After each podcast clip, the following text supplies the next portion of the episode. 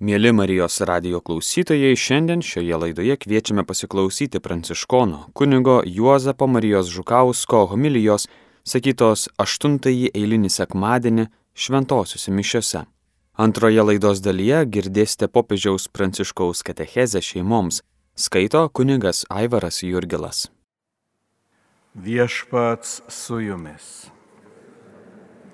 Pasiklausykite Šventojios Evangelijos pagal Luką. Jėzus pasakė mokiniams palyginimą.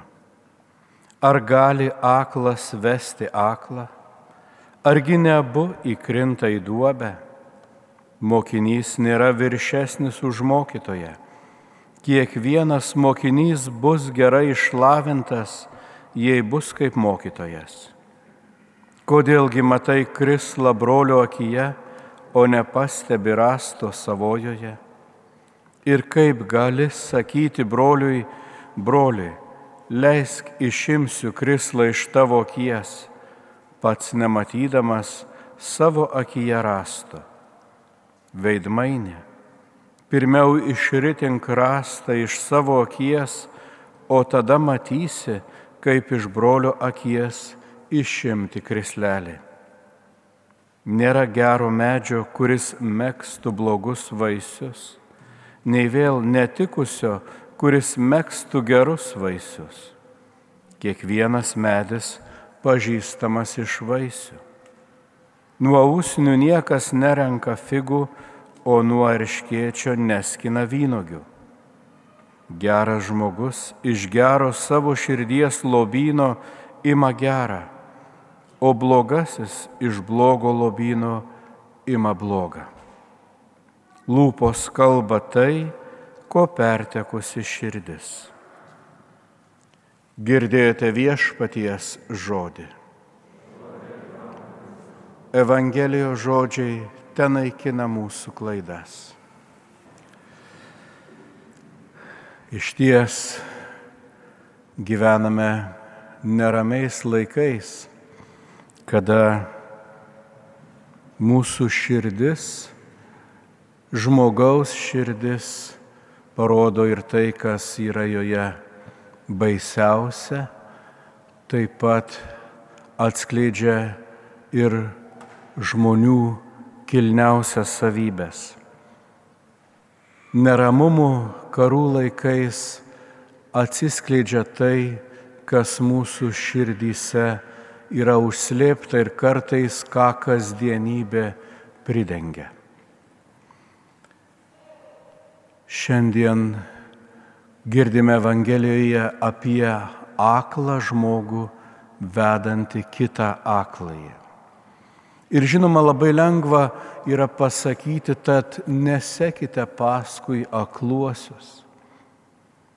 Tačiau turime pripažinti, kad greičiausiai visi esame šiek tiek akli ir esame reikalingi patikrintų ir tikrų vedlių. Karų sumaištyje kiekvienas turime pasirinkimą. Ir aš įsivaizduoju, kad netgi ir agresiją vykdančių karių širdise ir vadų širdise taip pat yra pasirinkimas, nors dažnas vėliau praėjus sumaiščiai sako, buvau tik sraigtelis didelėje mašinoje, ką aš galiu padaryti. Tačiau net ir mažiausias sraigtelis gali visą mašiną sustabdyti. Ir tai galioja taip pat ir mums. Ypatingai, kai įsiveliame į vidaus vaidus, kada mūšiai galbūt nevyksta miestų gatvėse, bet vyksta mūsų šeimose, darbovietėje, galiausiai mūsų pačių širdyje. Ir mes galime pasijusti pasimetę, galime pasijusti esą akli, galime pasijusti esą be galo silpni. Ir kągi tuomet daryti? Kur remtis. Ir aklieji labai dažnai pasikliauja klausa. Ir turime nuspręsti, kieno balso būsime vedami, kas parodys mums kelią. Šiandien Evangelija atskleidžia ir kitą tokį labai keistą aklumą, kada yra sugebama pamatyti šapelis brolio ar sesers akyje ir nematomas rastas savojoje. Galbūt todėl, kad jau su juo susigyventa, galbūt jau tiesiog susitaikyta ir pasakyta, kad kitaip nebus. Jėzus šiandien mums primena ir kitą tiesą, kad medis pažįstamas iš vaisių. Ir besiklausančių eilučių mes iškart norime dažnai imti vertinti, štai geras ar blogas medis. Tačiau jeigu atidžiai įsiklausysime, ten kalbama ir apie figas bei vynogės. Ir figmedis nėra kaltinamas dėl to, kad neaugina vynogių, o vynmedis todėl, kad neaugina figmedžių. Ir mes patys kartais save įsispaudžiame į tokius kalties ar nevertumo rėmus, galvodami, kad štai esu niekam tikęs, nes nesugebu kažko tai padaryti. Aplink auga, sakykime, obelis, o aš esu kreušė. Ir niekaip nepritampu. Bet kreušė, todėl kad yra kreušė ir nėra blogesnė už obelį. Lygiai taip pat visi prisimenate pasaką apie bjaurojį ančiuką, kuris paaiškėjo, kad yra gulbė. Taigi su teismu ir vertinimu turime būti be galo atsargus ir apkaltinti galbūt kitą žmogų aklumu irgi nėra kelias. Aš tikrai norėčiau ir tikiu, kad ši bendruomenė yra ta, kurioje kiekvienas atranda savo vietą, kur nesijaučia svetimas. Aišku, kiekvienas iš mūsų stovėdamas Dievo akivaizdoje galime sakyti, esu nevertas. Tačiau tas nevertumo jausmas neturėtų užgošti jausmo, kad esu nepriimtas. O štai prieimimas priklauso nuo kiekvieno iš mūsų kad čia atėjęs žmogus, nežiūrint, koks bebūtų, jaustų priimtas ir laukiamas. Tačiau tas mūsų kartais nevertumas kyla ir iš gana sąžiningo savęs vertinimo. Tad turime atminti, kad taip Dievo esi, esame laukiami, kokie bebūtume.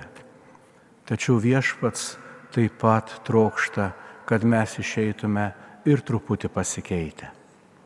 Kad mūsų gyvenimai nesustinktų, o judėtų į priekį. Ir kalbant apie pasikeitimus, man geriausiai ateina į galvą apaštalo Petro pavyzdys. To paprasto žvejo, kurį Dievas pašaukia tarnystėj ir padaro uolą, ant kurios stato bažnyčią. Nebuvo nuo pat pradžių Petras ta uola. Ir jo kelionė tokia ryškesnė man pradeda reikštis, kada Jėzus paklausė savo mokinių, kuogi žmonės mane laiko. Ir labai dažnai iš tiesų gatvėje iš žmonių kalbų mes galime išgirsti vairiausių nuomonių, kurį, kurių nedrįstama pasakyti tiesiai į akis. Taigi Jėzus tarsi klausė mokinių, kokie gandai apie mane sklinda. Ir Petras labai greitai ir aiškiai atsako vieni Eliju, kiti vienu iš pranašų, dar kiti galbūt netgi mesijų. Ir štai čia Jėzus užduoda klausimą Petrui, o kuo tu mane laikai?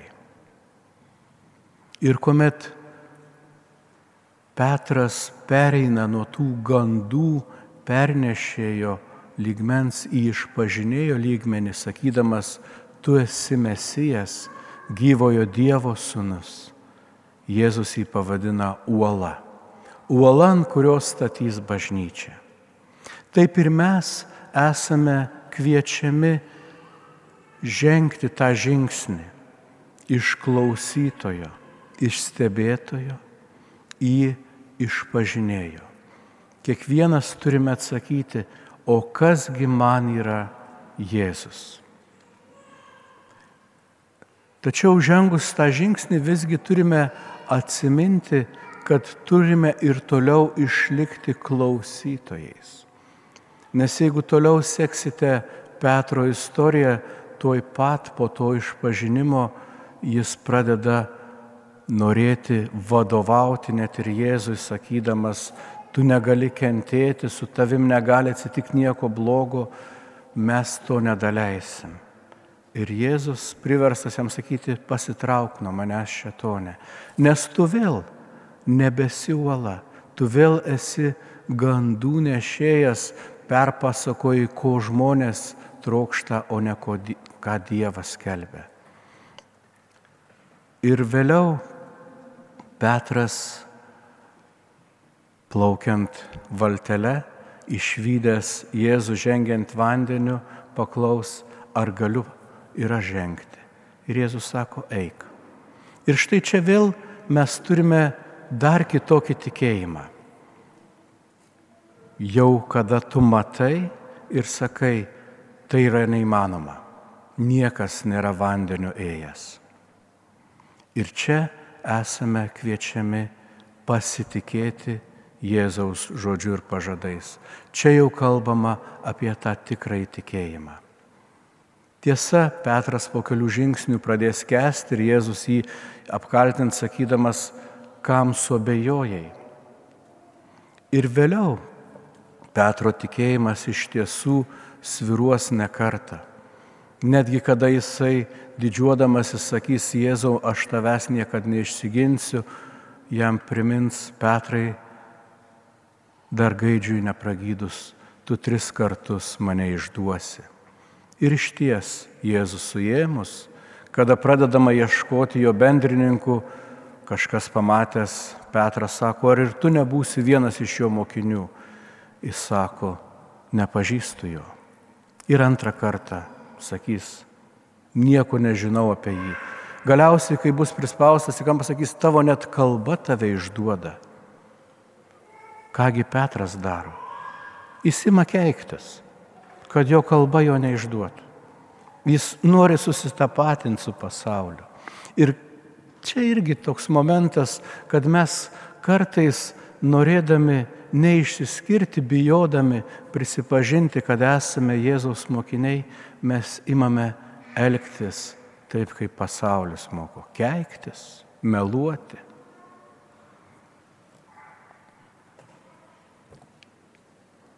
Petras suklumpa, bet Jėzus jo nepalieka suklupusio. Jis jam duos galimybę po prisikelimo, kaip tris kartus išsigynė, tris kartus išpažinti jo meilę ir pasitikėjimą ir sakys, Petrai, sek mane. Šiandien mes taip pat turime galimybę. Galimybę žengti tą tikėjimo žingsnį. Galbūt širdyje jau kurį laiką viešpats mus ragina vienam ar kitam žingsniui, vienam ar kitam apsisprendimui. Galbūt mūsų irgi yra ta baime ir nevertumo jausmas. Galbūt mums atrodo, kad prieš mus stivuliuojantis vanduo ir nėra tvirto žemės. Galbūt mes taip pat esame viešpaties kažkada išsigynę. Viešpats mums apaštulo Pauliaus lūpomis sako, pamiršęs visą, kas buvo praeitį, veržiuosi į priekį.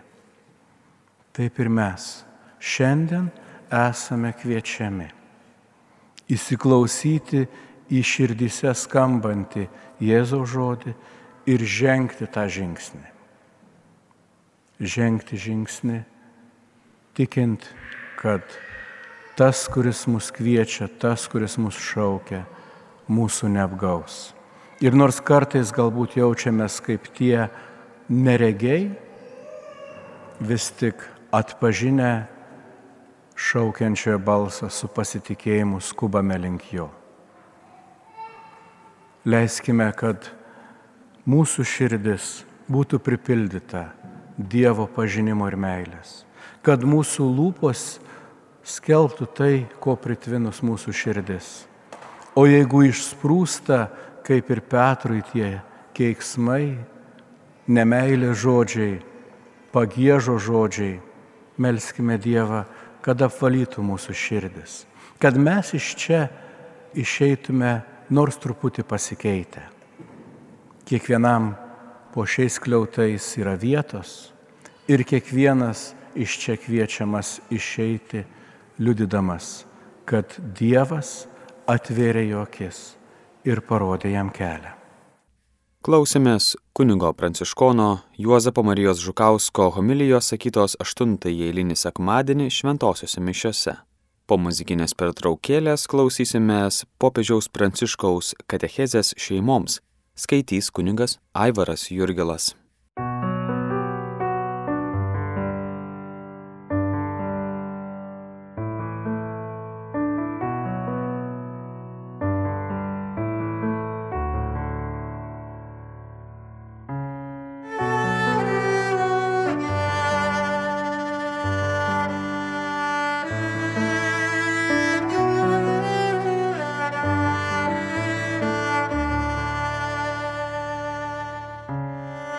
Viešpatie tik tu, žinai, kas aš esu.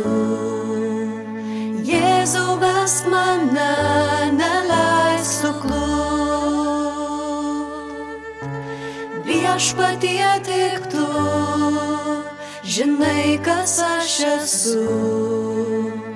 Leis gėdoti tai, kuo gyvenu.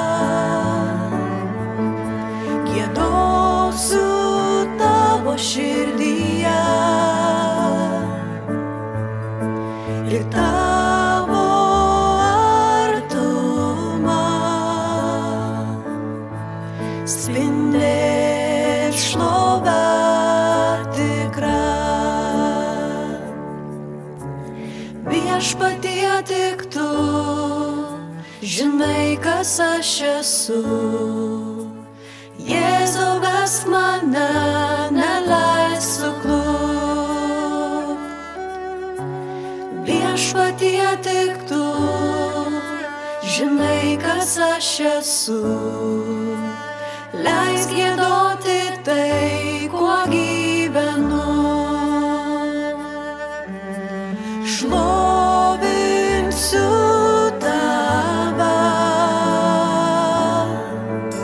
again.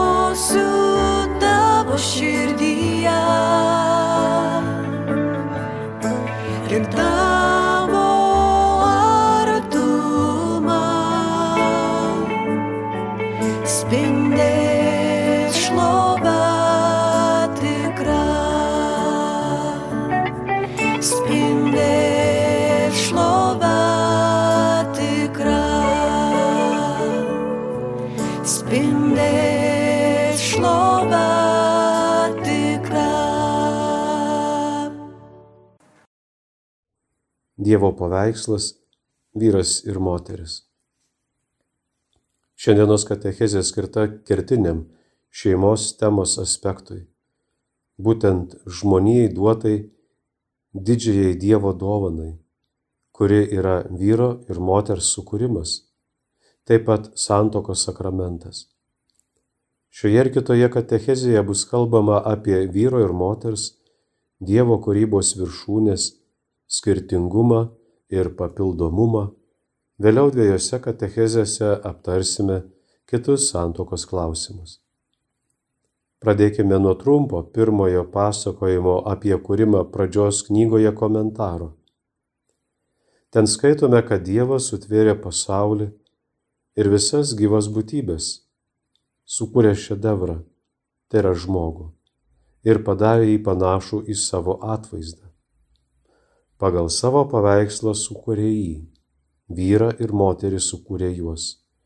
Rašoma pradžios knygoje, pirmame skyriuje, 27 eilutėje.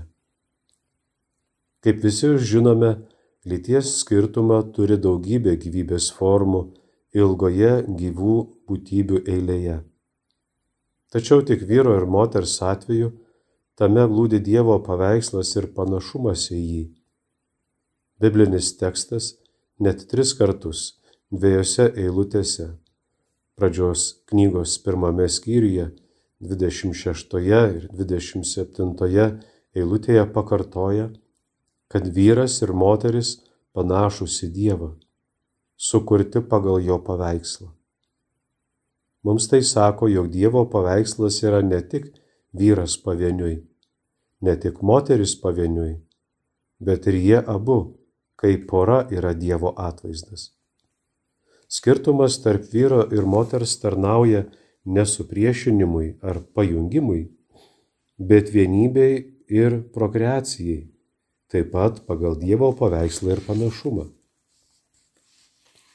Patirtis mus moko, kad žmogui, įdant jis gerai save pažintų ir darniai auktų, reikia vyro ir moters abipusiškumo.